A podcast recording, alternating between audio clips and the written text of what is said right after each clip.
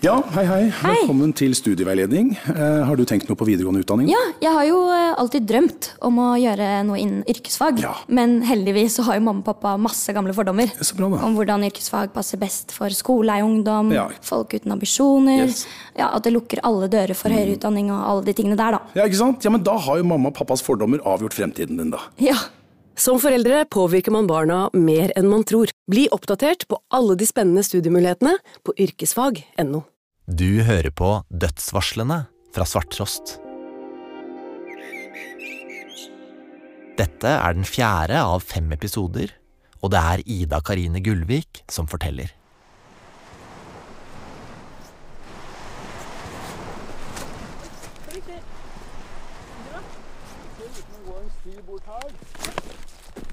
Hva er det egentlig som skjer den dagen byfolk Dahl dør? at hvorfor bada de ikke her? Men gikk altså enda lenger ut på et sted hvor det da antagelig ikke var et menneske. Vi må tilbake til ferieøya Hankø. Sommerparadiset. Eller, ikke så mye et paradis nå i oktober, mens lokalhistoriker Svein Skahjem og jeg klatrer over steiner og lyng, snubler oss fram over fjellet, på jakt etter stedet der Ingeborg og faren gikk for å bade, en sommerdag i august 1934. Det som enten er et ulykkessted, eller et åsted. Og du ser her kommer vi jo ikke videre, da. Ja, da må vi opp der på den stien. Vi må opp på den siden. Det er antagelig en veldig gammel sti, Ja. vil jeg tro. I og med at han er på det kartet fra 1870-80-åra. Det er såpass gammelt, det kortet ditt. Ja da. Denne oktoberdagen er det grått og regntungt på Hankø. Det drypper vann fra furutrærne. Steinene vi klatrer over er glatt, og havet slår tungt mot svabergene. Nei, hvor havner vi nå? Og ta en pause. Vi har gått forbi alle de vanlige badeplassene og kommet opp på en skrent der vi ser rett utover havet. Her er det ikke hvit sand, men glatte berg og rullestein. Altså, det var jo sikkert annerledes her på 30-tallet, men hvorfor i all verden skulle de ut hit og bade? Du skjønner jo det. Du skjønner jo det. Så de måtte være alene. Ikke sant? Ja. Dette kunne jo ikke ha noen vitner. De kunne jo ikke ha noen vitner, sier Svein. Han har sine egne teorier om hva som skjedde her ute. Den augustdagen for snart 100 år siden. Da Ingeborg Køber sprang over steinene der vi går nå, med blodige bein og våt kjole. Ja.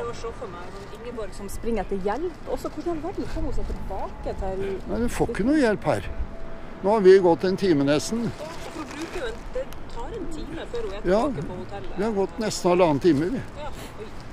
Ja. Så det er klart, her er det ikke mulig å få hjelp. Nei. Men der har vi Tangen. Der det skjedde.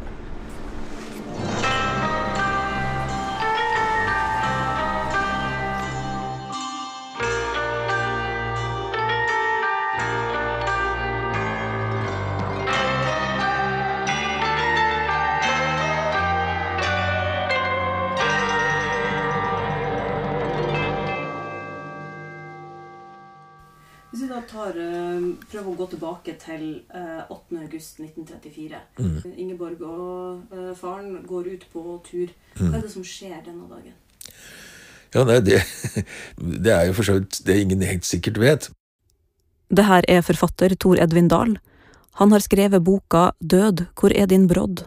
Der han forsøker å forstå det som skjedde ute på Hankø denne dagen. Far og, og datter drar av sted for å bade. Og det har de gjort før, mange ganger. Og, faren eh, liker jo da disse badeturene.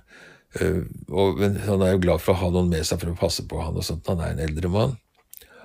Og eh, så kommer altså da, på et tidspunkt så kommer Ingeborg løpende fra badestranda og er veldig oppskjørtet og fortvilet og forteller at faren har druknet. Også da det blir tilkalt en lege, og, og noen drar ned til badestedet, og der finner de Ludvig Dahl da liggende i fjæra, eh, druknet.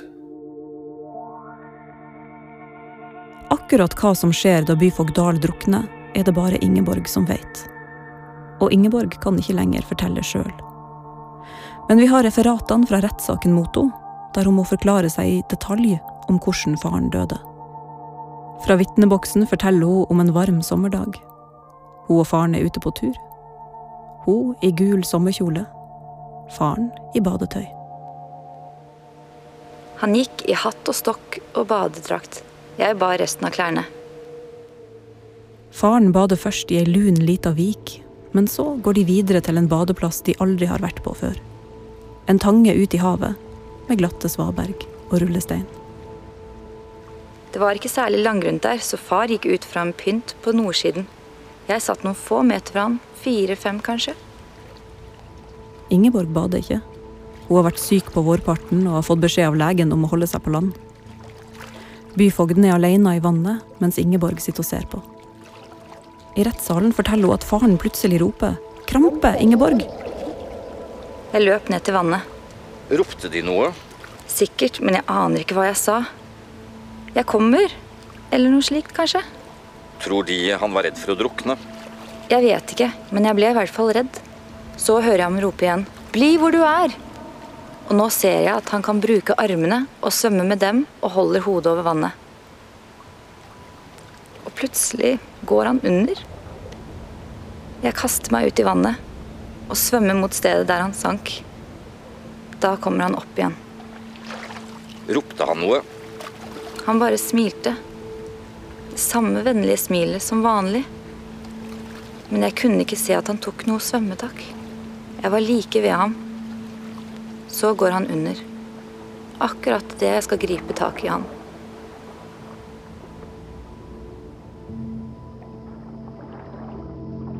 Ingeborg når ikke bunnen med føttene. Kjolen tuller seg rundt beina hennes. Hun dukker, får tak i skulderstoppen på faren sin badedrakt, men den ryker. Hun dukker en gang til, får tak i selve badedrakten. Så forsøker hun å få faren inn til land. Hun svømmer på rygg, med faren i armene. Men jeg klarte ikke å få ansiktet hans over vannet. Jeg merket at det ennå var litt liv i han, men at han ble tyngre jo nærmere vi kom stranden. Hun klarer å få han opp, men han er tung. Hun slår beina på steinene på stranda. Til slutt klarer hun å få lagt hodet hans på en stor stein. Jeg prøvde å snu hodet hans for å få tømt vannet ut av munnen på ham. Da Da så jeg at øynene hans brast. Det ligger noen båter på fjorden. Ingeborg forteller at hun prøver å rope etter hjelp. Hun vifter med faren sin jakke. Men ingen hører henne. Og så springer hun, gjennomvåt, uten sko, mot Hankø bad.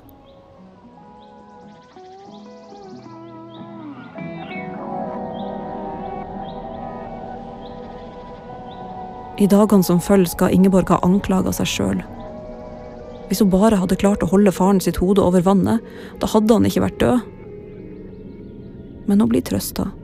Ikke bare av mora og Fridtjof og Wilhelm, som nå er nærmest som en forlovede å regne, men også av Ludvig og Ragnar fra den andre sida. Ludvig sier i en seanse at Ingeborg har vært ei lita heltinne. At hun ikke kunne ha gjort noe annerledes. Men igjen, hvem er det som sier dette? Er det Ingeborg som trøster seg sjøl? Og døyver hun også ei dårlig samvittighet? Faren hennes er død, og Ingeborg elska faren sin, men det var også han som var pådriveren for at Ingeborg skulle bli et berømt medium. Det var han som drømte om berømmelse, om anerkjennelse, og på en måte så er jo Ingeborg nå fri. Etter noen dager så dukker også byfogden sjøl opp i seansene. Lille, elskede mamsen min, sier han til Dagny, Ingeborg sin mor, du skal vel ha det første ord fra meg. Familien er samla igjen. Byfogden, Ludvig og Ragnar på ei side, Ingeborg, tvillingbroren hennes Fridtjof, og Dagny igjen hos de levende. Samtidig så begynner ryktene å gå i Fredrikstad. Var det virkelig sånn at byfogden drukna? Svømte han ikke på veldig grunt vann? Og stemte det at flere hadde visst at han kom til å komme ut for ei ulykke mange måneder i forveien?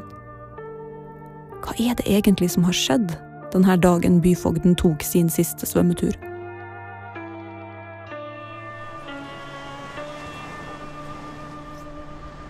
Ja, nå står vi ganske nær den tangen der hvor badescenen ble foretatt.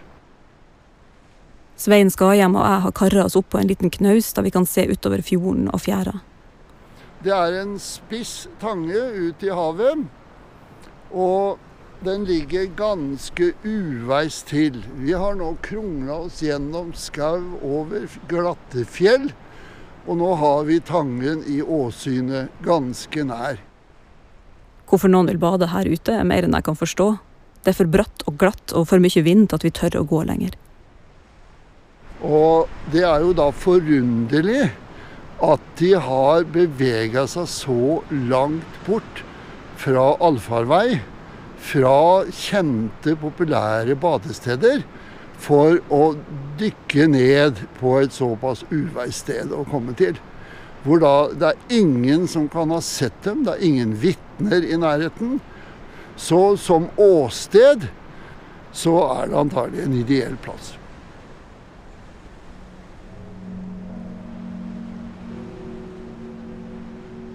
Hva er det som gjør at folk i Fredrikstad begynner å hviske om byfogd Dahl sin død? Hva er det som gjør at dette går fra å være ei fortelling om ei ulykke til å bli noe annet? For man ser jo at det var gode grunner for det. Tor Edvin Dahl.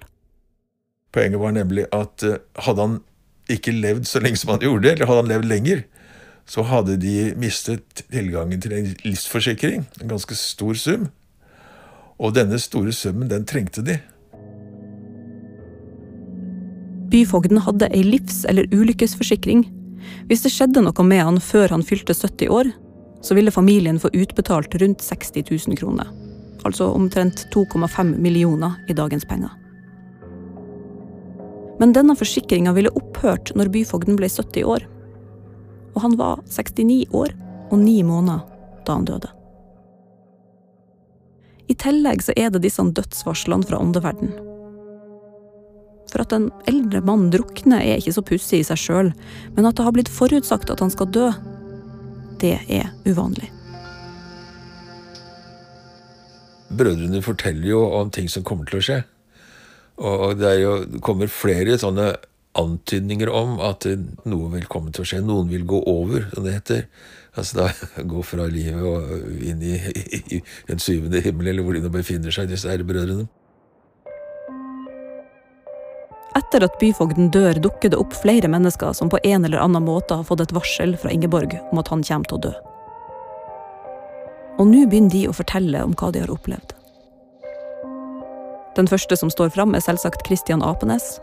Han som fikk et varsel om byfogden sin død et halvt år i forveien, i en eneseanse med Ingeborg. I tillegg kommer skipsrederfrua Astrid Stolt-Nielsen. Hun har også hatt en eneseanse med Ingeborg, og her har hun fått et brev skrevet i en tallkode. Brevet er forsegla, faktisk av byfogden sjøl.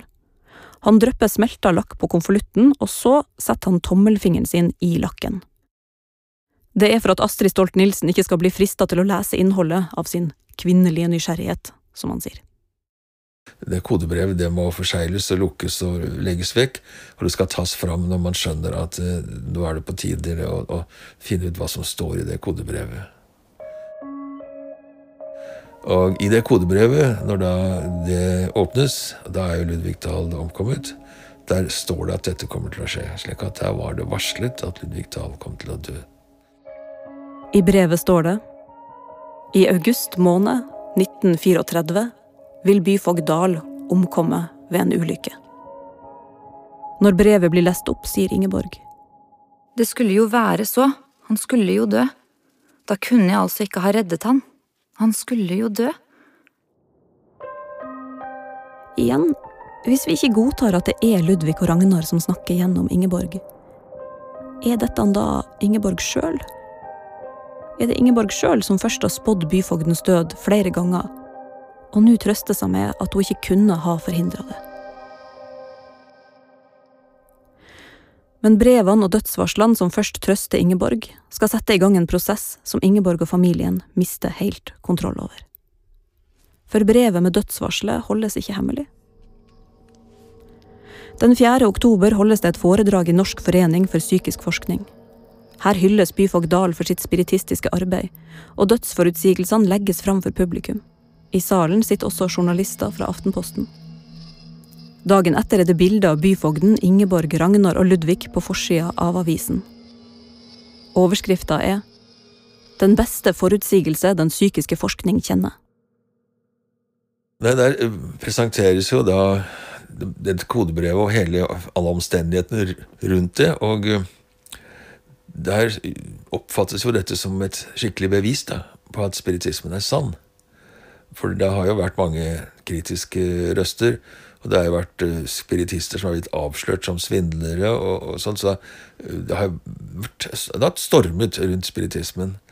Men eh, her har man endelig fått noe som er blitt gjort på en veldig ordentlig måte, og som er helt opplagt at det her må noen fra den annen siden da har kommunisert med, med oss mennesker på jorda. Og det vil si at nå er spiritismen på en måte blitt bevist. I begynnelsen så er avisene og offentligheten på Ingeborgs side. Det er veldig få som stiller kritiske spørsmål til nyheten om at de døde nå kan kommunisere med de som er i live. Avis Aftenposten eksempel, tar jo dette mer eller mindre for god fisk. altså de, Det kommer som en nyhet som man ikke stiller seg noe særlig skeptisk til. Når det kommer da noen kritiske røster som sier at na, her var altså Ingeborg Køber alene med han da han døde, kan det ha vært noen mystiske ting her? Kan det være noen triks og lurerier? Og da blir veldig mange forarget på at man skal liksom ramme denne stakkars ulykkelige datteren som har mistet sin far, og, og, tro stygt om henne. For hun er jo på alle måter hederlig og, og, og, godt menneske. Og det er jo mange sånne kulturpersonligheter ikke minst, da, som, som, står fram og, og sier at nei, dette her er virkelig noe vi må ta alvorlig og respektere. Men én mann leser oppslagene om byfogd Dahl og beskjedene fra åndeverden og blir rasende.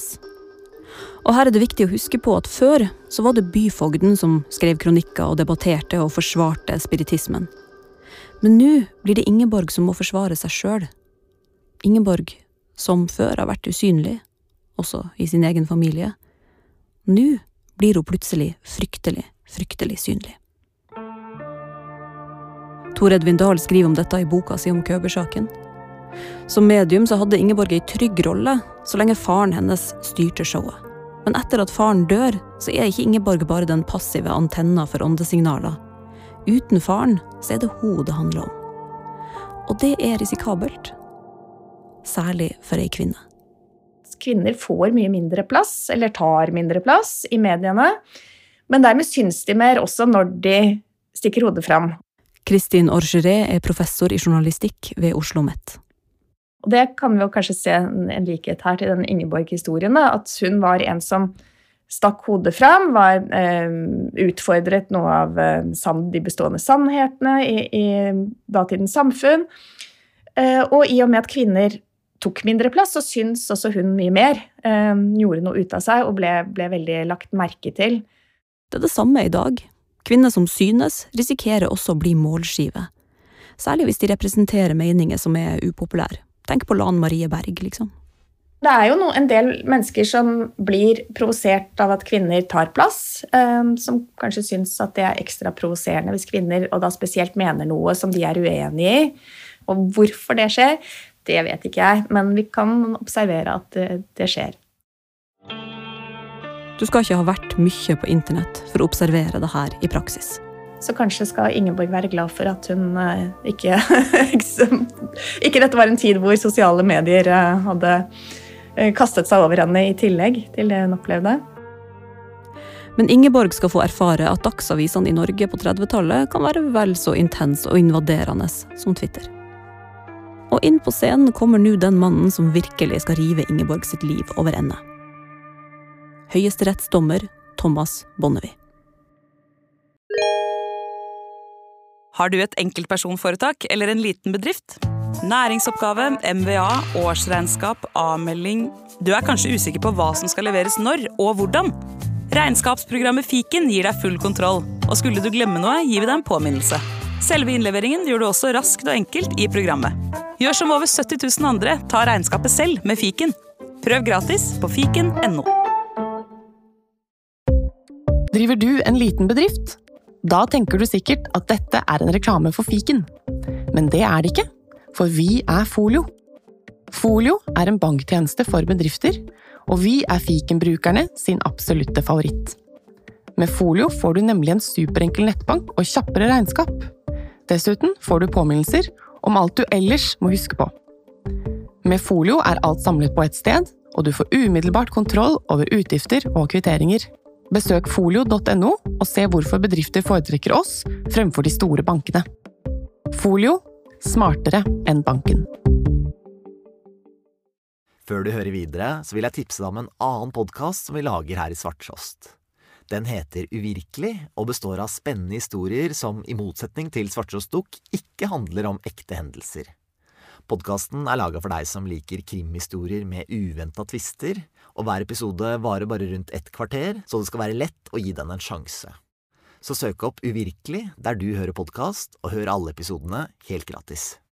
Det er jo faktisk fetteren til faren, som da Thomas Bonnevie, høyesterettsdommer, som er den som hardest går ut mot Ingeborg Køber. Han var nok ikke noen veldig hyggelig mann. Han var nok kjent for liksom å være flinkere til å skaffe seg uvenner enn å skaffe seg venner. Og, og, han la ikke fingrene imellom, tok ikke liksom menneskelig hensyn i noen særlig grad på det som han oppfatter som si, fornuftens alter, da, eller i, i fornuftens tjeneste. Så han kjørte veldig hardt og kritisk ut, og uh, fikk straks da en, en, masse mennesker mot seg. Du siterer en helt sånn fantastisk beskrivelse av Thomas Bonnevie, at han var uh, et av disse uh, ulykkelige, fnysende menneskene som alltid sier sannheten på en måte som gjør at man foretrekker løgnen. det husker jeg ikke. det er Aksel Kielland i Dagbladet. Ok, akkurat. ok, ja, det, det er en morsom beskrivelse. Ja. Hva er det han mener har skjedd her, da? Nei, Han mener at dette er svindel. Og, og, enten så har altså Ingeborg Køber faktisk drept sin far, eller så er i hvert fall dette kodebrevet bare triks og lureri. Og han øh, mener at dette her fortjener politietterforskning. Man kan ikke liksom la dette bare gli over og si at det var en ulykke. Bonnevie setter seg ned og skriver både aviskronikker og brev til statsadvokaten der han krever at Ingeborg stilles for retten. Ikke nødvendigvis fordi han mener Ingeborg bevisst har drept byfogden, men fordi han mener at hun gjennom alle de her varslene om at han skal dø, kan ha påvirka han eller suggerert han til å drukne. Hun skal altså ha planta denne ideen om at han skal dø, og av dette, så dør han. Dette er Bonnevie sin teori. I en aviskronikk så skriver han man må se på forholdet omtrent som på tilfellet hvor en drapshandling foretas av en sinnssyk person, eller hvor et lite barn fingrer med en ladd revolver med den ulykkelige følge at skuddet går av og dreper et menneske. Han mener at det bare kan finnes to forklaringer på at Ingeborg har forutsett faren sin død. Enten så må man tro på at dødsforutsigelsene kommer fra Ingeborg sine døde brødre. Eller så må man gå ut ifra at spådommene slo så godt til fordi Ingeborg sjøl hadde en finger med i spillet. Men hvorfor bryr høyesterettsdommer Thomas Bonnevie seg om denne saken i det hele tatt? Svaret er kanskje at for han så er ikke Ingeborg bare ei unnselig lita husmor som hevder at hun har underlige evner. Han mener at Ingeborg Køber er farlig. Han tilhører ei gruppe mennesker som bortimot hater alt som har med spiritisme å gjøre. Ja, så de, de, var jo radikalere altså på venstresida politisk. Og de var opplysningsmenn, ikke sant? I skikkelig god tradisjon. Sånn kritisk til, til alt form for religion og alt, all form for utøvelse av mystiske fenomener. Så Og de var jo også forarget, tror jeg. Direkte oppriktig forarget fordi at så disse kreftene da kunne få så stor oppmerksomhet og, og få den, den, innflytelsen de fikk. Uh, De kjempet på en måte for si, et renere, åpnere, ryddig samfunn. Du må huske på hva slags tid vi nå befinner oss i. Det er fem år til andre verdenskrig bryter ut. Det er spenning i Norge og Europa mellom borgerskapet og arbeidere, mellom religion og vitenskap, mellom de som vil se framover, og de som vender seg mot fortida for å finne svar og løsninger. Bonnevie mener at Ingeborg må tas for at det norske samfunnet og åndslivet skal bli rensa for lommer, overtro og mystikk. Han skriver Forsøket på å utnytte disse dødsforutsigelsene som middel til å tvinge store deler av vårt folk til å tro på spiritisme og på fru Købers forbindelse med avdøde menneskers ånder, representerer et uhyre farlig attentat på folkets åndelige sunnhet. Jeg skulle ønske jeg visste mer om hvordan Ingeborg har det oppi alt dette. På dette tidspunktet så har hun flytta inn til Oslo sammen med mora si. Jeg ser for meg Ingeborg i ei stue fylt med nips der hun åpner morgenavisen, og ser enda en artikkel der Thomas Bonnevie beskylder henne for å ha drept sin egen far. Hva tenker Ingeborg oppi alt det her?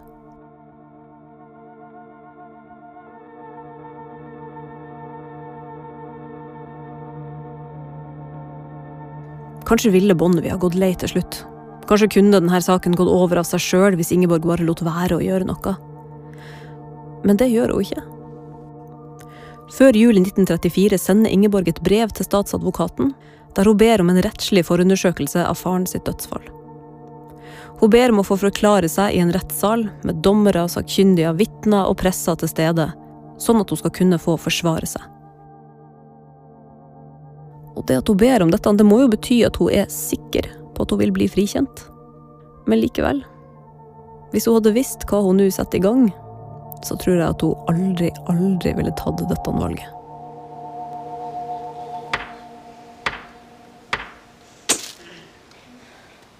Tinghuset i Oslo, 21.2.1935. På et bilde sitter Ingeborg og ser opp i taket. Hun har pen kåpe og hatt på. Hun ser litt undrende ut, som om hun er overraska over hvor hun har havna. Bak henne sitter tre menn ved et bord. Det er vanskelig å se på det gamle bildet, men det er mulig at dette er de tre sakkyndige som skal vurdere henne. Det er professor i psykiatri Ragnar Vogt, professor i medisin Francis Harbitz og overlege Johan Scharfenberg. Husker du Scharfenberg? Han som var med å avsløre mediet Einar Nilsen, han som trylla fram ektoplasma fra rumpa. Her er han igjen. Scharfenberg er en eh, ganske spesiell type. Opptatt av alt fra avholdssaken til psykiatri og poesi. Jevnlig debattant i avisene. Skalla, med et lite, buskete skjegg. Og med øyenbryn som er strengt trukket sammen. Som om han ser på verden rundt seg og tenker at det her, det holder ærlig talt ikke mål. Scharfenberg begynner å stille Ingeborg en rekke spørsmål om familien hennes og om oppveksten hennes. Om hvorvidt hun er syk, om hun kanskje er av jødisk avstamming. Har hun vært plaga med svimmelhet eller mareritt? Det virker som om han er på jakt etter noe som kan forklare Ingeborg sine opplevelser som medium. Johan Scharfenberg han er jo eh, lege og psykiater, og var tilhenger av Darwin og arvelære.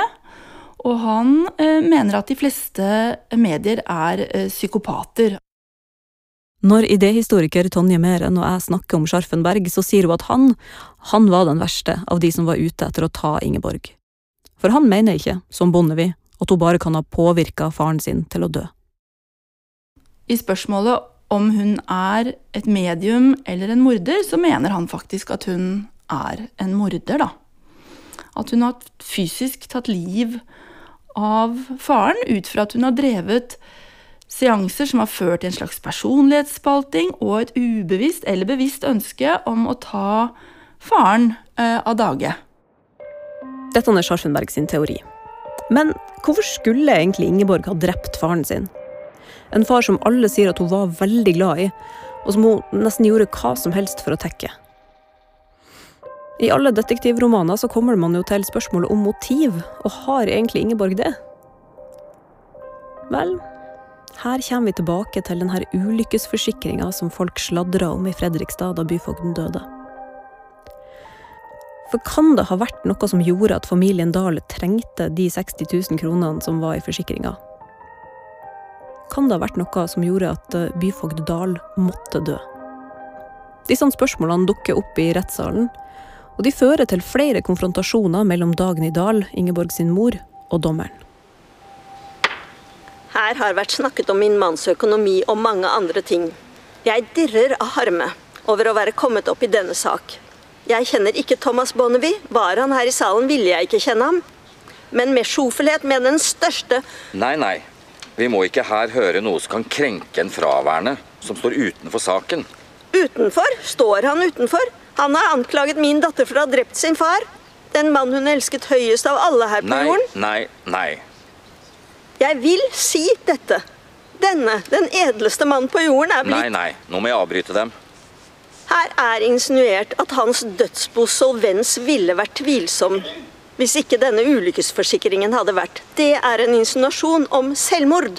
Om at han skulle ha drept seg selv. Her forsøker dommeren igjen å avbryte Dagny Dahl, men hun vil ikke la seg stoppe. Jeg vil tale. Har vi bedt om å bli trukket inn i dette? Nei. Thomas Bonnevie har, uten å kjenne oss, uten å henvende seg til oss. Nå må det bli slutt på dette, frue. Jeg forstår deres følelser, men Og sånn fortsetter. Avisene trykker sak etter sak. Og er det rart at denne historien får stor mediedekning? Den har alt. Ånder, pene borgerfruer som raser mot dommeren, mystiske beskjeder fra åndeverden, duker og tekopper og tulipaner som skal ha flydd gjennom rommene. Det er et sirkus.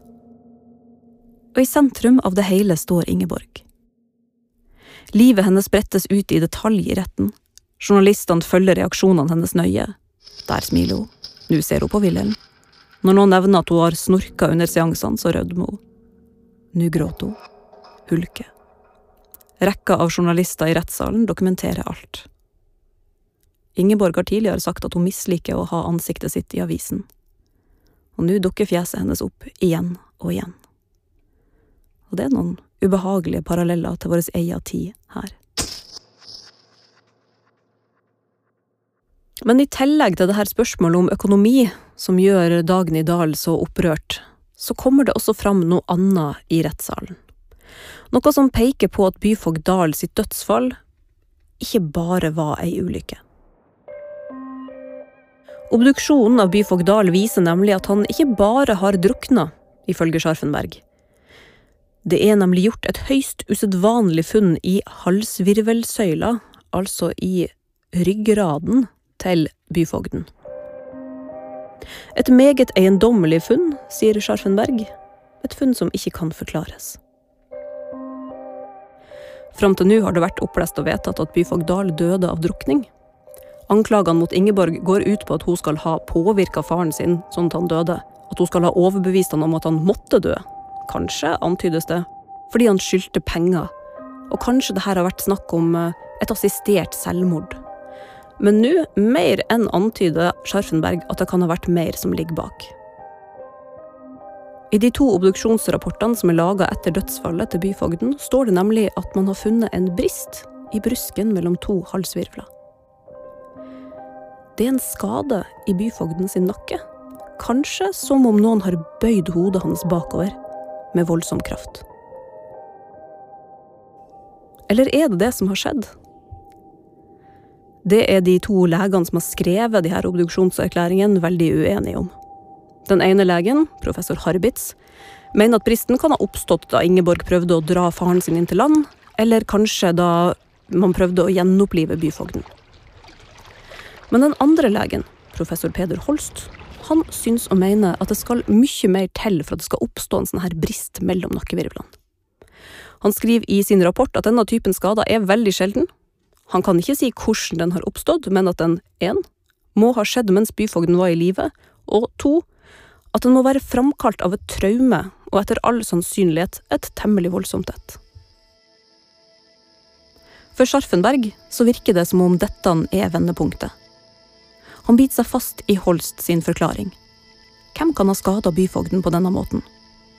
Ingen andre enn Ingeborg, mener Scharfenberg. Men foreløpig så er det bare Scharfenberg og Bonnevie som mener at Ingeborg er skyld i byfogden sin død. Den rettslige forundersøkelsen avsluttes i slutten av mai 1935, og saken mot Ingeborg henlegges.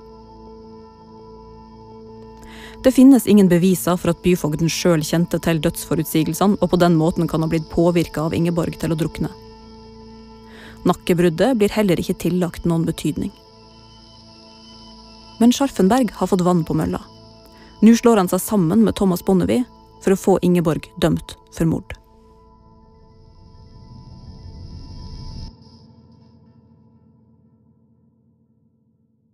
Og denne sommeren så må Ingeborg ha pusta letta ut. Hun er fri. Hun er skilt fra Alf Køber nå. Det evige seansejaget har lagt seg. Hun får gratulasjonskort fra venner som gleder seg over at rettssaken endelig er over. Og hun og Wilhelm kan være sammen med hverandre. De kan planlegge framtida i lag. Men denne idyllen skal ikke vare lenge. Den 10. oktober 1936 er igjen nesten hele Dagbladets forside via til Køber-saken. Men denne gangen er det ikke Ingeborg, men mora hennes Dagny som står i fokus. På forsida av avisen står det Byfogd Dahls død i nytt lys. 60 000 kroner underslått ved byfogdkontoret, mens fru Dahl var kassererske. Dagny Dahl, mora til Ingeborg, skal ha underslått nærmere 2,5 millioner kroner i dagens penger. Hun har stått i rettssalen og nekta for at familien har hatt økonomiske problemer. Hun har rast mot dommeren, men hele tida så må hun jo ha visst at dette kom til å bli oppdaga. Men familien Dahl var jo en del av det pene borgerskapet, hvorfor trengte de disse pengene? De skulle jo i teorien sitte ganske godt i det. Vel, alle middagene for spiritismeinteresserte gjester, seansene, reisene til byfogden, alt dette har kosta penger mer penger enn familien har hatt. Denne selvopptatte faren har jo drevet, drevet hele huset til ruin, på en måte. Idéhistoriker Tonje Meren. Kona hans har eh, underslått penger fordi at de har jo holdt så fryktelig store selskaper da, i forbindelse med seanser. Alltid drevet med bevertning, folk kan overnatte. Virkelig. Og han har aldri måttet ta stilling til hvor mye penger som faktisk har gått med der. Og så har han jo drevet datteren sin også ut i en helt umulig situasjon. For de som følger Køber-saken, så begynner det nå å trå fram et tydelig motiv. For underslaget viser at det stemmer, det som ble antyda i rettssalen. Familien har hatt pengeproblemer. De har vært desperat. For den dagen byfogden gikk av med pensjon, da ville byfogdkassen bli overtatt av den nye byfogden og underslaget ville blitt oppdaga. På en måte Ludvig Dahl måtte dø. Det var det som plutselig begynte å bli perspektivet. Og hvorfor ble det forutsagt et år i forveien? Jo, for han må dø før den tid for at vi skal kunne på en måte bevare vår sosiale posisjon. Det gjelder hele familien. Han må dø. Og det var helt kritisk for familien. Det er det ingen tvil om. Uh, mor og datter har nok hatt noen alvorlige, triste samtaler. Det, det må de ha hatt. Og, og, det kan ha ført til et eller annet som jeg ikke tør nærme meg. Men var det virkelig dette som skjedde? Ingeborg sjøl nekta for at hun kjente til underslaget. Og underslaget blir heller aldri ordentlig etterforska. For den 12. oktober blir Dagny Dahl lagt inn på Ullevål sykehus. Årsaken som oppgis i avisene, er hjerneblødning. I virkeligheten så har hun tatt en overdose av sovemedisinen Veronal. Natta før skriver hun et siste brev til ei venninne. Jeg føler det for alle tilfelles skyld som en plikt. At det fra min hånd foreligger en beretning om de forhold dersom en nødvendig konsekvens medfører at mitt liv her på jorden nå avsluttes.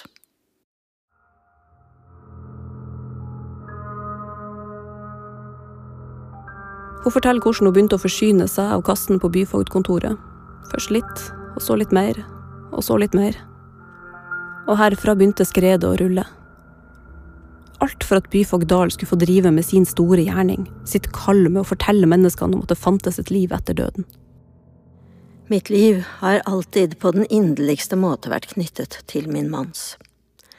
Da vår sønn Ludvig var død, og forbindelsen med ham var formidlet gjennom Ingeborg, følte min mann det som sitt livs oppgave og formål å bringe dette budskapet videre til menneskene.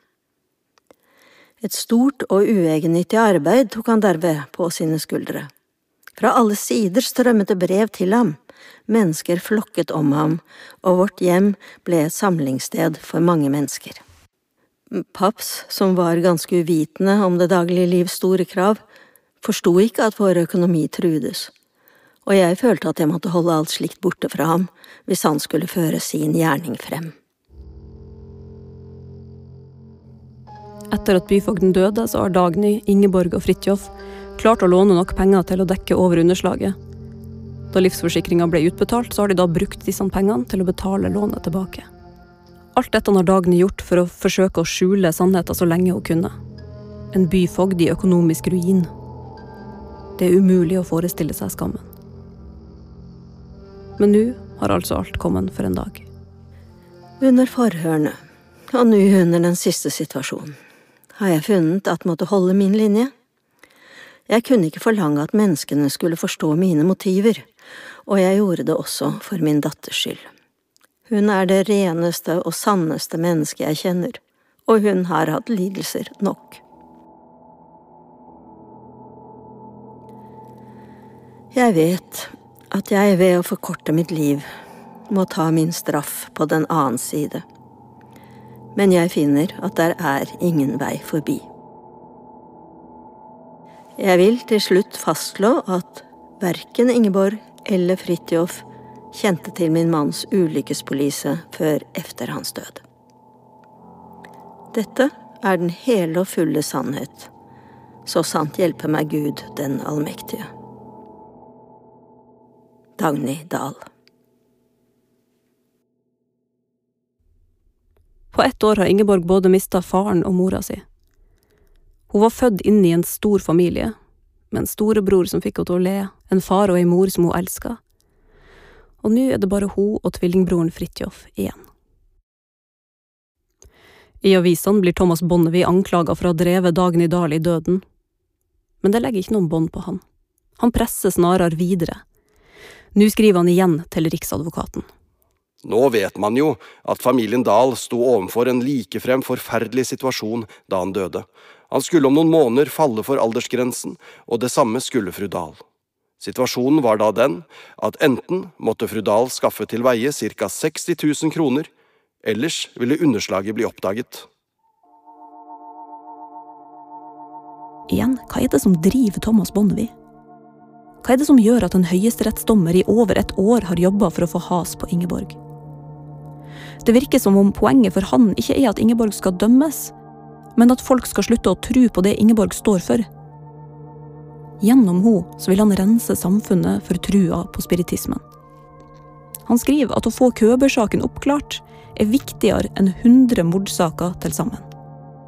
Om sakens fulle oppklaring skulle koste staten mange hundre tusen kroner, ville det være overordentlig vel anvendte penger. Da vil her gjennom et av de største folkebedrag i historien ha blitt avslørt. Det vil virke som et knusende slag for spiritismen og som en høyst påkrevet renselsesprosess for vårt åndsliv. Og Bonnevie sitt håp skal bli hørt. Fram mot julen 1935 fortsatte skriveriene om Køber-saken i avisene. Han får også støtte av Scharfenberg, som publiserer flere kronikker der han krever å få saken gjenopptatt. I fru Købers sinn, det bevisste eller det ubevisste, har det vært en plan om å fremkalle farens død under skinn av ulykke, for å beskytte både ham og hele familien mot sorg og skam. Personlig finner jeg det mest sannsynlig at hun først har forsøkt å kverke faren, og deretter slept ham ut i sjøen og druknet ham.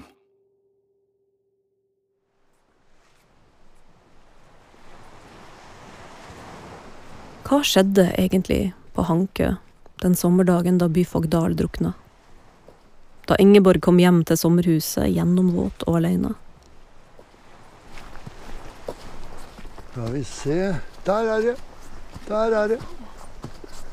Der er det. Det hadde ikke vært lett å finne dette her, altså, for jeg trodde huset lå så du kunne se det fra veien.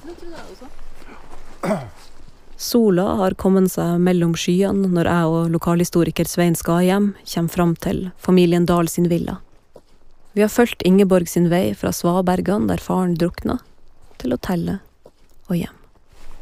Her gikk de. Ikke det rart å tenke på?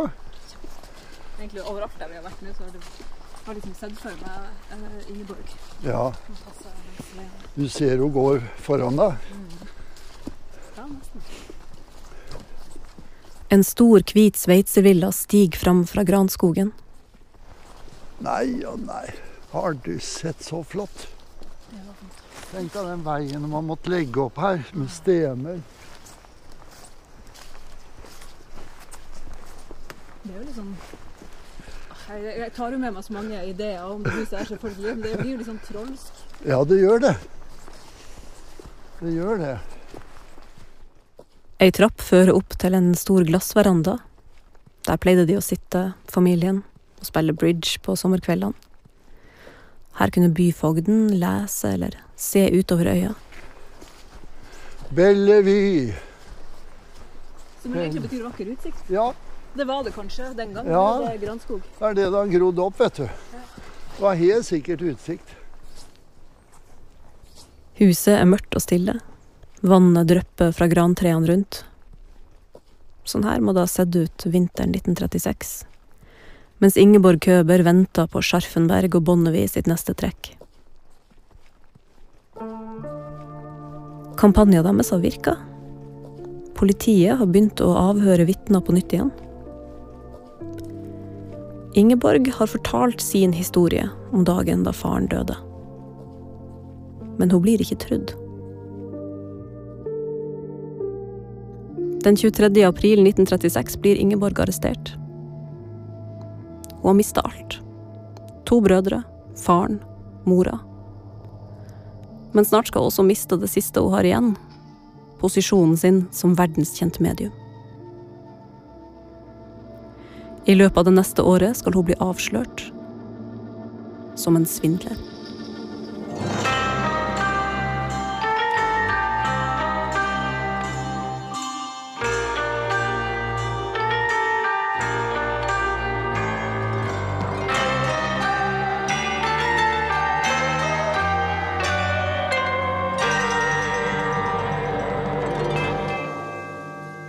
Dette var den fjerde delen av Dødsvarslene, laga av Ida Karine Gullvik på Svarttrost. Lyddesign og sluttmiks av Hans Kristen Hyrve.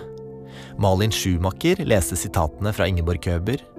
Bjørnar Årnes og Loke Åshamar leste sitatene fra Thomas Bondevie og Johan Scharfenberg. Originalmusikk av Geir Sundstøl. Konsulent var Ellen Wisløff, og redaktør er Kari Hesthamar. Beskrivelser og sitater i denne serien er henta fra rettsdokumentene fra Køber-saken. Scenene fra rettssalen er gjengitt i avisartikler og i Tor Edvin Dahls bok Død, hvor er din brodd? Aivo de Figuredos bok Mysteriet Ingeborg Køber var også en viktig inngang til denne saken. Noen av sitatene har vi modernisert for dagens ører. Tusen takk til Riksarkivet og Nasjonalbiblioteket for hjelp til å finne fram materialet. Og takk til deg for at du har hørt på.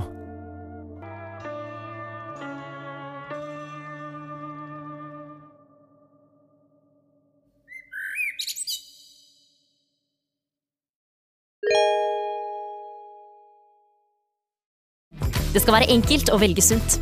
Derfor fortsetter vi med tilbudsuker på frukt og grønt i hele februar. Nå får du bl.a. to pakk hjertesalat til 25 kroner og én kilo løk til 15 kroner per nett. Så gjør det billig og sunt hos Ekstra.